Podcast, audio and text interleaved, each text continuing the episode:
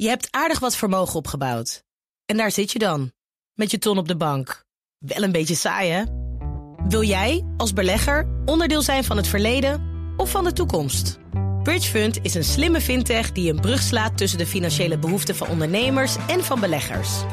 Dus wie belegt bij Bridgefund krijgt niet alleen een mooie vaste rente, maar brengt ook ondernemers in beweging. Echt waar, met die ton kan je zoveel betere dingen doen. Bridgefund. Make money smile. Dit is een podcast van BNR Nieuwsradio.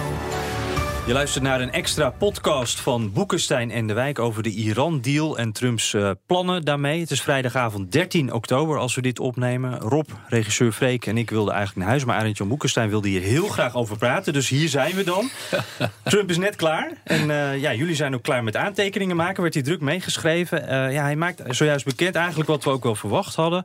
dat hij niet langer zijn goedkeuring geeft aan de nucleaire deal met Iran. Hij decertificeert dus, maar hij zegt de deal niet op. Um, laat ik nog even tenslotte melden dat we hier met z'n drieën zijn trouwens. Dat is ook nog wel even belangrijk. Arend Jan Moekers, Rob de Wijk en ik, Jan Posma. Um, laten we eerst even beginnen dan met dat decertificeren. Wat betekent dat? Nou, dan moet je eventjes terug in de geschiedenis om het uit te leggen. In 2015 wordt die deal gemaakt hè, met die moeilijke naam Joint Comprehensive Plan of Action. Iran, de sancties werden afgebouwd. In een ruil daarvoor moesten Iraanse centrifuges drastisch worden verminderd. De voorraad verrijkte uranium beperkt. De plutoniumreactor ontmanteld. En het Iraanse nucleaire programma heel erg onderworpen aan grondige internationale controle. De Republikeinen waren, dat was Obama, hè? De Republikeinen waren woedend. Want die zeiden van dit betekent toch dat er zijn geen uh, eindeloze uh, beperking, geen permanente beperking, maar in 2000, tussen 2025 en 2030 is Iran toch vrij om een kernwapen te gaan ontwikkelen. Nou. Toen hebben ze gezegd van, eh, maar ja, we hebben geen meerderheid... maar we dwingen de Amerikaanse president op elke 90 dagen... moet Obama zelf zeggen, ik certificeer nu... ik stel vast dat Iran aan de afspraken van het verdrag voldoet. Een vinkje, maar nu hebben we een nieuwe president. Ja, en die zegt dus... Trump heeft het twee keer met de grootst mogelijke tegenzin gedaan. Maar daarbij moet je dus even zeggen, Arend Jan... dat Iran zich daadwerkelijk aan de overeenkomst heeft gehouden. Ja. daar probeert uh, Trump nu in dit, uh, uh, deze presentatie twijfel over te zaaien. Maar hij moest akkoord gaan met de, met de verlenging. Hij moest een goedkeuring geven om de doodvoudige reden dat Iran deed wat het beloofde. Ja. Nou, laten we daar zo even op terugkomen. Maar eerst wil ik nog wel even weten, wat zijn nu de gevolgen? Wat gebeurt er nu? Nou kijk, het is heel ingewikkeld. Maar toch even het punt wat Rob nu zei. Als, als, als raakt de, de, de, spreker misschien de, kwijt. Kijk, um, het is natuurlijk zo dat uh, hij zegt nu dat, dat Iran zich niet aan de afspraken houdt. Hè? Iran, nee, gaat houden waarschijnlijk. Of, of gaat houden. Hij, hij, heeft geen vertrouwen. Ja. Dat is eigenlijk wat hij zegt. Ja, wat hij doet is ontzettend slim. Hij heeft daar een gitzwart beeld geschetst van Iran. Ja. Met al het onheil. Het is een moorddadig regime. En hij koppelt dat, en dat is ook wat terecht natuurlijk, aan, aan Hezbollah, aan Hamas. En nou, ga zo maar door. En er allemaal aanslagen gebleven waar ook Iran is achter. Hij zegt op grond daarvan: dit is dus geen garantie dat Iran in de toekomst niet op dit pad verder gaat. Ja.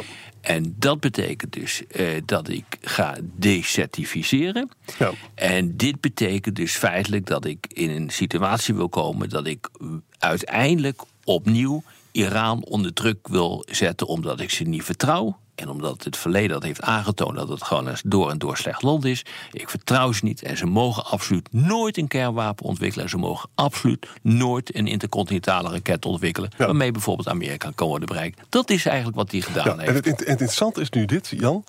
Um, en aan zijn ministers hebben gezegd, zowel Tillerson als Mattis in interviews, van ja, wij vinden eigenlijk dat uh, Iran aan de afspraken heeft voldaan. En dat zeggen de inspecteurs ook. In deze speech heeft Trump nu zelf, hij probeert de, de, de zaak van die zwaar water, hè, probeert die heavy water probeert hij op te blazen. Even, hij heeft twee overtredingen genoemd, ja. dat, dat zware water. Centrifuges. centrifuges. En dan noemt hij ook nog uh, intimidatie. Ja. Nou, we weten ook dat de Duitse geheime dienst heeft dat gisteren ook over gesproken. Alleen ik hou me maar hier aan vast als, als commentator.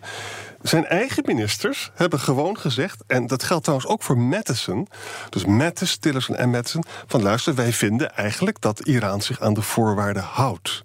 Dus hier is dus een probleem. Snap je? Ja. Dus het, is, tussen datgene wat Trump wil en datgene wat zijn ministers ja, Omdat hij dus misschien ten overvloede, maar het kan geen kwaad op het nog een keer te zeggen, omdat Trump ervan uitgaat dat Iran zich in de toekomst niet eraan zal gaan houden. Dus hij zegt: Oké, nou, nou, ik uh, heb inderdaad. Uh, ben akkoord gegaan. Ik heb gecertificeerd. Dus ik ben akkoord gegaan met de opvatting dat Iran zich eraan gehouden heeft. Ja.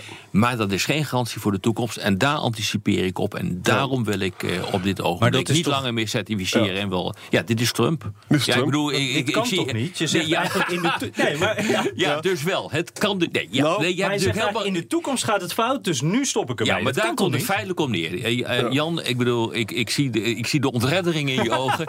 En uh, Jan die zit met zijn handen in zijn haar. uh, inderdaad, dit slaat ook helemaal nergens op. dit, maar dit is Trump. Ik bedoel, wees niet verbaasd over wat hier gebeurt. En dit is een man die niet bezig is het verdrag per se te veranderen. Want dat moet toch lukken, want hij, dat moet dan nog maar gebeuren. Want hij roept ook van: ik wil een aantal zaken aankaarten met hulp van de bondgenoten. Bla bla bla bla. Dit is een man die zijn stempel wil uh, drukken. Dit is machtspolitiek optima forma. Dit is een man die respect wil afdwingen. Van moet je eens even kijken, ik ben gewoon keihard en ik wil echt absoluut niet dat Iran een kant op gaat die ik niet wil. Wie, naar wie is dit gericht dan? Naar Iran? Oh, naar Iran, maar ook, ook naar Noord-Korea. En, ook naar Europa en Noord-Korea en naar China en, en naar en, de rest van de wereld. dit punt is belangrijk. Hij, hij zegt dus niet helemaal onterecht, zegt hij trouwens, van die beperkingen van die Iran-deal zijn dus beperkt tot 2025. En we hebben alles al weggegeven. Ze hebben upfront ook al het geld gekregen. Ja, dat was part of the deal natuurlijk. Ja. En wat hij nu wil, hij wil eigenlijk, echt zou die deal moeten heronderhandelen, waardoor je ook een diplomatieke hefboom krijgt. Niet alleen over dat kernwapenproject, maar ook over het Iran-gedrag ten aanzien van ja, Hij wil het gedrag van Iran wil hij exact. Dat is precies het punt. Hij wil het gedrag, het toekomstige gedrag van Iran wil die beïnvloeden. Dat is op zich is dat niet zo vreemd in de internationale betrekkingen. Dat heet dwangdiplomatie. Daar hebben we nu een staaltje van gezien, wat we eigenlijk de afgelopen jaren niet meer gezien hebben. En dat is feitelijk wat er op, de, op dit ogenblik mhm. gebeurt. Verpakt in een hele hoop ruis. Zo is dat is wat er gebeurt. En wat ook zo interessant is, kijk, Duitsland en Frankrijk en Engeland zijn enorm handel gaan drijven met Iran. Ze verdienen daar ook heel veel geld. Die willen dus absoluut niet van die deal af. We zien hier dus dat er, dat er nog meer licht komt tussen Amerika en de Europese leden van de NAVO. Ja, en wat hij, wat hij dus feitelijk doet, hij kondigt additionele sancties aan. In belangrijke mate eh, gericht tegen de Republikeinse garde. Uh, Manju, daar heeft hij trouwens zelf samen uh, meegewerkt in Irak. Ja. Uh, en dat heeft uiteindelijk geleid tot een aantal overwinningen tegen IS. Uh, maar inderdaad is het zo uh, dat de Republikeinse garde uh, niet echt een frisse rol speelt. En inderdaad is het zo dat er wordt samengewerkt met Hezbollah en Hamas. Maar hij wil dus proberen om daar nu van af te komen door die club keihard met sancties te treffen. En alles wat er rond die club zit. En die club, kan je dat definiëren? Waarom zijn die niet fris? Waarom komt dit hard aan? Waarom is dit belangrijk? Nou ja, kijk, uh, het is maar net natuurlijk vanuit welk standpunt je het bekijkt. Maar het is evident uh, dat de Republikeinse uh, garde steun verleent aan organisaties die wij als, als terroristen bestempelen. Dus in die zin heeft hij een punt. Alleen de grote vraag is: waarom moet dat nou gespeeld worden via de Iran-deal? Ja. En, maar eigenlijk is het antwoord, dat doet hij niet echt. Nee.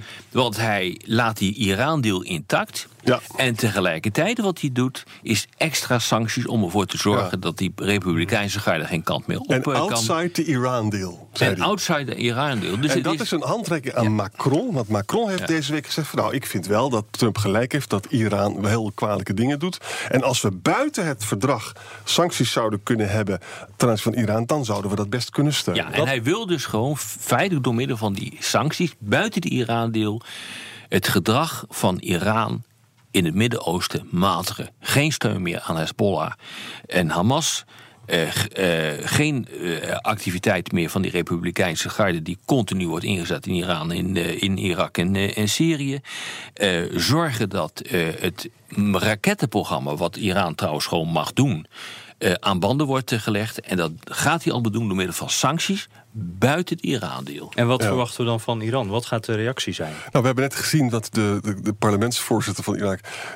alle mogelijke scenario's onderzoeken wij nou. Ik denk zelf dat Iran gewoon afwacht een hele kleine kans, maar dat zal niet gebeuren, is als dit in de toekomst verder uit de hand loopt, dan zou Iran kunnen besluiten, nou, we zeggen het eenzijdig op en we gaan weer door met, met een kernwapen. Ja, dat doen ze niet. De handigste strategie, laten we het zo even bekijken. De hand, wat is nou de handigste strategie voor Iran? De handigste strategie is zich gewoon naar de letter houden exact. van het Iran-akkoord. Exact. Ja. En dat gaan ze dus waarschijnlijk ook doen, denk ik.